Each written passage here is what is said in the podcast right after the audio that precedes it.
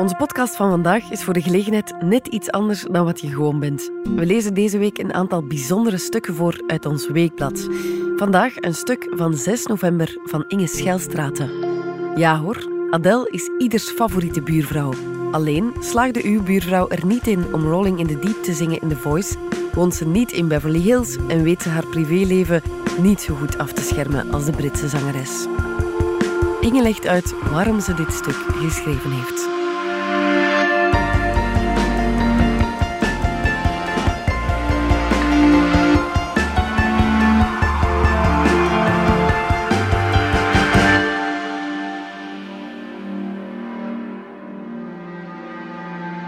Adele ging een nieuwe plaat uitbrengen en bij een brainstorm zei de chef van DS Weekblad misschien moeten we eens een portret van die vrouw hebben, nog voor de plaat uitkomt. En toen kwam het gesprek er toch iedere keer weer uh, op uit dat Adele de girl next door is. Ze zou je buurvrouw kunnen zijn. En toen dacht ik van, is dat wel zo? Want dat mens is wel een ongelooflijke superster. Ze is een fenomeen zelfs in de muziekindustrie, want ze verkoopt nog altijd meer platen. Tastbare platen dus, niet Spotify, dan gelijk welke andere artiest van haar niveau. En daar zijn niet veel mensen van dat niveau. En hoe meer ik begon rond te kijken en me in te lezen, hoe meer ik ontdekte van Adele is helemaal niet doodgewoon je zou kunnen zeggen van dat weet iedereen die ooit naar een deelnemer van The Voice heeft geluisterd die Rolling in the Deep probeert te zingen. Dat het echt niet zo makkelijk is om te zingen zoals Adele het doet. Maar ook op andere vlakken is zij, is zij vrij ongewoon. Zij leeft al jaren in de hoofdstad van de gossip in uh, Los Angeles, in Beverly Hills. Uh, en zij weet daar gewoon te leven zonder dat zij voortdurend wordt gefotografeerd. Uh, niet alleen dat. Tijdens de paar interviews die ze heeft gegeven voor die plaat uitkwam, bleek ook dat ze veel later getrouwd was dan iedereen dacht dat ze getrouwd was. En dat ze veel vlugger weer bij haar man, de vader van haar zoon, is weggegaan. En dan was onze conclusie van... Adele laat je wel geloven dat ze je buurvrouw zou kunnen zijn, maar ze is echt wel een superster. De superster die je laat geloven dat ze heel gewoon is. Ja hoor, Adele is ieders favoriete buurvrouw. Alleen slaagde uw buurvrouw er niet in om Rolling in the Deep te zingen in The Voice, woont ze niet in Beverly Hills en weet ze haar privéleven niet zo goed af te schermen als de Britse zangeres. Op 19 november brengt Adele haar vierde plaat uit, 30. Die doffe percussie die u nu hoort aanzwellen zijn de hartjes van de lezende fans die sneller gaan kloppen. De Britse is met meer dan 90 miljoen verkochte albums in de hele wereld populair. Maar Vlamingen lusten haar het liefst. Haar jonge plaat, 25, heeft al 310 weken in de Vlaamse ultratop gestaan. Vorige week stond ze weer op de dertiende plaats. We steken daarmee die andere superfans, die Nederlanders, nipt voorbij. En zelfs de Australiërs, bij wie ze maar drie jaar in de albumlijsten stond. En ja, we bedoelen wel degelijk verkocht en niet gestreamd. Adele is een van de laatste artiesten van wie de mensen de schijf in hun auto of in de kast willen. Van de 27,5 miljoen exemplaren die 25 verkocht, gingen er 22 miljoen op CD of vinyl over de toonbank. Terwijl digitale verkoop, downloaden en streamen in 2015 al ongeveer even belangrijk was als fysieke verkoop. De uitdaging voor Adele zal dan ook zijn om 25 te evenaren, dat in zijn eerste week in de Verenigde Staten 3,4 miljoen exemplaren verkocht, zo schrijft The Wall Street Journal. Welk soort zangeres is Adele? Het soort zangeres over wie de Wall Street Journal bericht op zijn financiële pagina's dus. Maar ga op straat vragen waarom ze zo populair is en bijna iedereen zal zeggen dat ze zo gewoon is, zo herkenbaar. De kracht van Adele is dat ze buitengewoon en doodnormaal is tegelijkertijd. Als een buurvrouw die toevallig beroemd is, maar dat op elk straatfeest lijkt te vergeten, schreef onze man toen ze in 2016 drie keer het sportpaleis vulde. Wij neigen toch meer naar buitengewoon dan naar doodnormaal. Natuurlijk kan Adele met enige reden zeggen dat ze het buurmeisje kan zijn van veel van haar fans. Ze werd opgevoed door haar moeder, van wie ze ook de familienaam Atkins draagt. Haar vader verdween uit haar leven toen ze nog een peuter was. Haar moeder werkte als meubelmaker in het volwassenenonderwijs en als masseuse. Ze woonde in een sociale woning. Nadat de Grenfell-toren in 2017 was uitgebrand, was een onherkenbare Adele bijna elke dag op de plek van de ramp. Ze steunt Grenfell United nog steeds. Ik kan niet geloven dat hier niet meer verontwaardiging over is, zegt ze. Er zijn nog steeds veel gebouwen met die brandbare bekleding. Grenfell United vraagt geen geld. Het vraagt dat dit spul wordt weggehaald. Adele studeerde af aan de Brit School. Dat ze daarna achter de schermen wilde werken als talentscout voor een platenfirma, vinden we dan weer moeilijk om te geloven. De befaamde Londense school voor podiumkunsten leidde onder andere acteur Tom Holland op en de zangeressen F.K. Twigs en Amy Winehouse. Adele had toen al liedjes als Hometown Glory geschreven, een van de toppers van haar debuutplaat. En die stem. Het lijkt onwaarschijnlijk dat niet al haar zangdocenten haar naar een zangcarrière dirigeerden. Zap om het even waar ter wereld naar de lokale versie van The Voice. En overal is er wel iemand die Rolling in the Deep aanvat en buiten adem raakt aan het refrein, de plek waar Adele nog maar vaart krijgt. Ze is wat in het Engels een belter wordt genoemd. Iemand met een krachtige stem, maar dan een technisch goeie. Adele haalt niet de vier octaven in één noot van Ariana Grande. Zelfs niet de drie octaven in één noot van Lana Del Rey. Twee octaven en vier noten. Klinkt haalbaar, denken die deelnemers van The Voice. Vooral met wat treinen op dat volume. Ze dwalen. Zingen is geen sport. Ze hebben niet het mooie timbre van Adele, niet haar zeggingskracht en niet haar intuïtie om die krachtige uithalen te combineren met fragiele aanzetten, trillend verdriet, desnoods een snik in de stem. Mevrouw Atkins is wel degelijk uitzonderlijk. Haar stem is ook altijd de ster in haar liedjes. Adele heeft in interviews nooit uitgeweid over het soort artiest dat ze wil zijn, maar ze weet duivels goed welk soort songs ze wil zingen. Geen beats, wel ballads of mid-tempo ballads.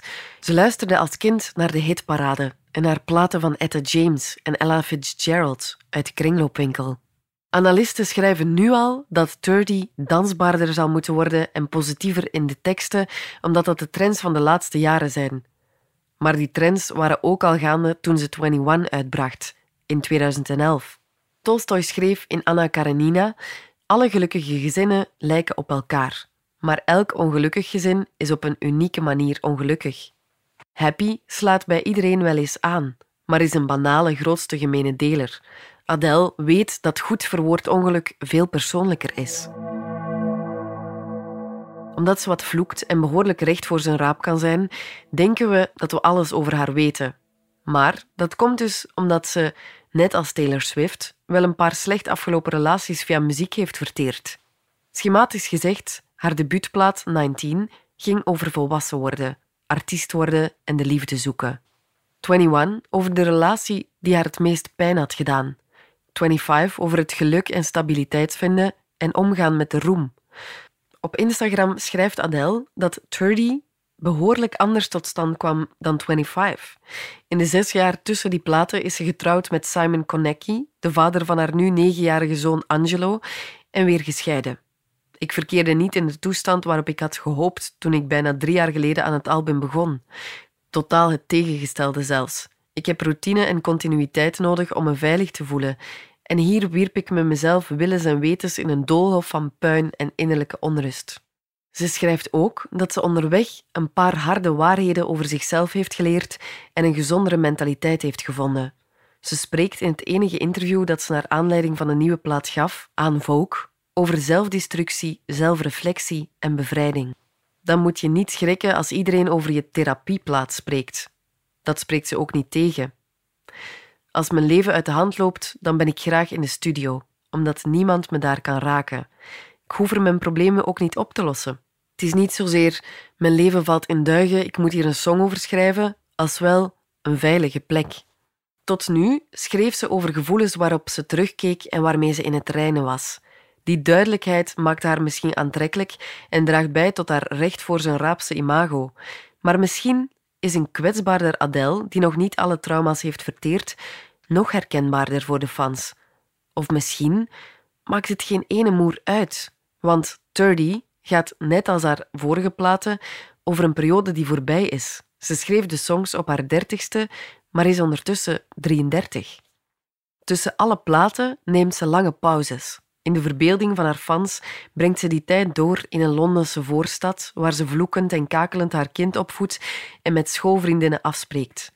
In werkelijkheid verhuisde Adele vijf jaar geleden naar Beverly Hills, Los Angeles. Als je in Engeland een klein kind hebt, het regent en je hebt geen plan, dan ben je genaaid. Dat ze naar het mekka van de celeb culture is verhuisd, mag eigenlijk niemand verbazen. Ze is een superster. Wat wel verbluft, is hoe onzichtbaar ze er leeft. In Vogue maakt ze zich vrolijk over de media. Ze weten niks. Ze wordt wel een beetje kattig als het gaat over de dood van haar vader, dit jaar in mei. In tegenstelling tot bepaalde geruchten hebben we ons voor zijn dood verzoend, zegt ze. Als mijn echtscheiding me één ding heeft opgebracht, dan wel het besef dat mijn ouders ook maar mensen waren. Daar putte ik de rust uit om hem te vergeven. Dat herinnert ons aan een tekstonderzoek van haar eerste drie platen. Het vaak gebruikte woord daarop was uiteraard love, dat 118 keer viel. Maar verrassend tweede was rumor, dat 63 keer voorkomt. Adele weet hoe geruchten werken en lijkt er een sport van te hebben gemaakt die gewoon niet te laten ontstaan. Zo vertelt ze nu pas dat ze een poos op het roekeloze af is uitgegaan toen ze had gebroken met Konecki. Dat ze daaruit leerde dat ze beter geen sterke drank drinkt. Dan begin ik te bekvechten, zegt ze, terwijl ik vijf flessen wijn kan drinken en nog een normaal gesprek kan voeren. Hoe komt het eigenlijk dat we van die caféruzies geen foto's hebben gezien? Er hangen zelfs bodyguards uit mijn kont, dus er is niets uitgelekt. Nog dingen waar de pers niets van wist. Haar scheiding. Die hebben we lang geheim gehouden omdat er een kind bij betrokken is. Die hebben we lang geheim gehouden omdat er een kind bij betrokken is.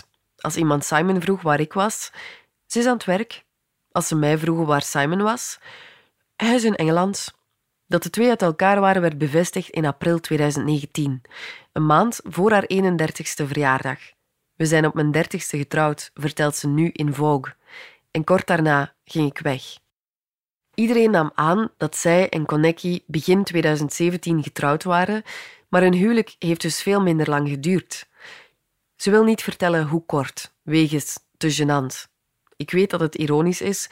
Het meisje met Luddevede, dat Nevermind, I'll find someone like you stond te zingen over de nieuwe man in haar leven, heeft het verkloot. Haar geheimzinnigheid verklaart waarom iedereen zich een hoedje schrok toen ze opeens 44 kilo lichter was. Daar had ze wel twee jaar over gedaan. Ze is een vrouw die kan plannen. In haar eerste interviews zei ze dat ze zou stoppen met roken voor haar tweede plaat, wat ze deed. Toen ze een postnatale depressie kreeg en nog later geopereerd moest worden wegens stemproblemen, zei ze dat ze gezonder zou gaan leven en meer zou gaan sporten. Ook dat deed ze. Toen de tournee voor 25 was afgewerkt, Mensen zijn zo gewoon dat iedereen alles op Instagram deelt, zegt ze. Veel mensen in mijn positie zouden ook een reclamedeal voor een dieetmerk afsluiten. Dat kon me geen hol schelen. Ik deed het voor mezelf. Waarom zou ik zoiets delen? Ik vind het niet boeiend. De rest van de wereld wel. Tik Adele Diet in Google en je krijgt 104 miljoen resultaten. En wat de media ook denken te weten over het surtfood dieet of periodiek vasten, nope. Dat heb ik niet gedaan, zegt ze. Helemaal geen dieet. Ik eet zelfs meer dan vroeger, omdat ik zoveel sport. Helemaal op de nieuw slanke heupen krijgt ze het van stukken over haar revenge body, wat insinueert dat ze zich in de scheiding aantrekkelijker wilde voelen, of weer aantrekkelijk. Suck my dick. Ik voelde me gewoon beter als ik sportte, zegt ze. Had geen angstaanvallen meer. Het ging er nooit om gewicht te verliezen, wel om sterk te worden. Ik raakte eraan verslaafd. Soms doe ik gewichten s ochtends, een wandeling of boksen in de namiddag en cardio s'avonds. Maar ik had geen ander werk. Ik werkte met personal trainers. Ik vrees dat dit voor de meeste mensen onbereikbaar is. Dat is het soort bedenking dat pakweg Gwyneth Paltrow nooit zal maken. En dat houdt het imago in stand dat ze een gewone vrouw is gebleven, ondanks die personal trainers. Het maakt Adele weer wat meer een doorsnee celebrity. Haar glamoureuze, maar wat ouwelijke glitterjurken van vroeger gaven haar de allure van Etta en Ella. De modetrends die ze nu draagt zijn dezelfde als die van tientallen minder getalenteerde songschrijvers en zangeressen. Adele mocht dan zelf zeggen dat ze op de meeste vrouwen leek, zelfs dat klopt niet. De meeste vrouwen zouden tekenen voor haar perfect symmetrische gezicht, die dramatische grijze ogen of die volle mond. Zelfs Karl Lagerfeld zei eerst dat ze een mooi gezicht had voor hij over haar gewicht begon. Adele is altijd meer buitengewoon dan gewoontjes geweest. En de echte vraag is of ze ons een vierde keer kan laten geloven dat ze in onze straat zou kunnen wonen. Helaas, we weten niks.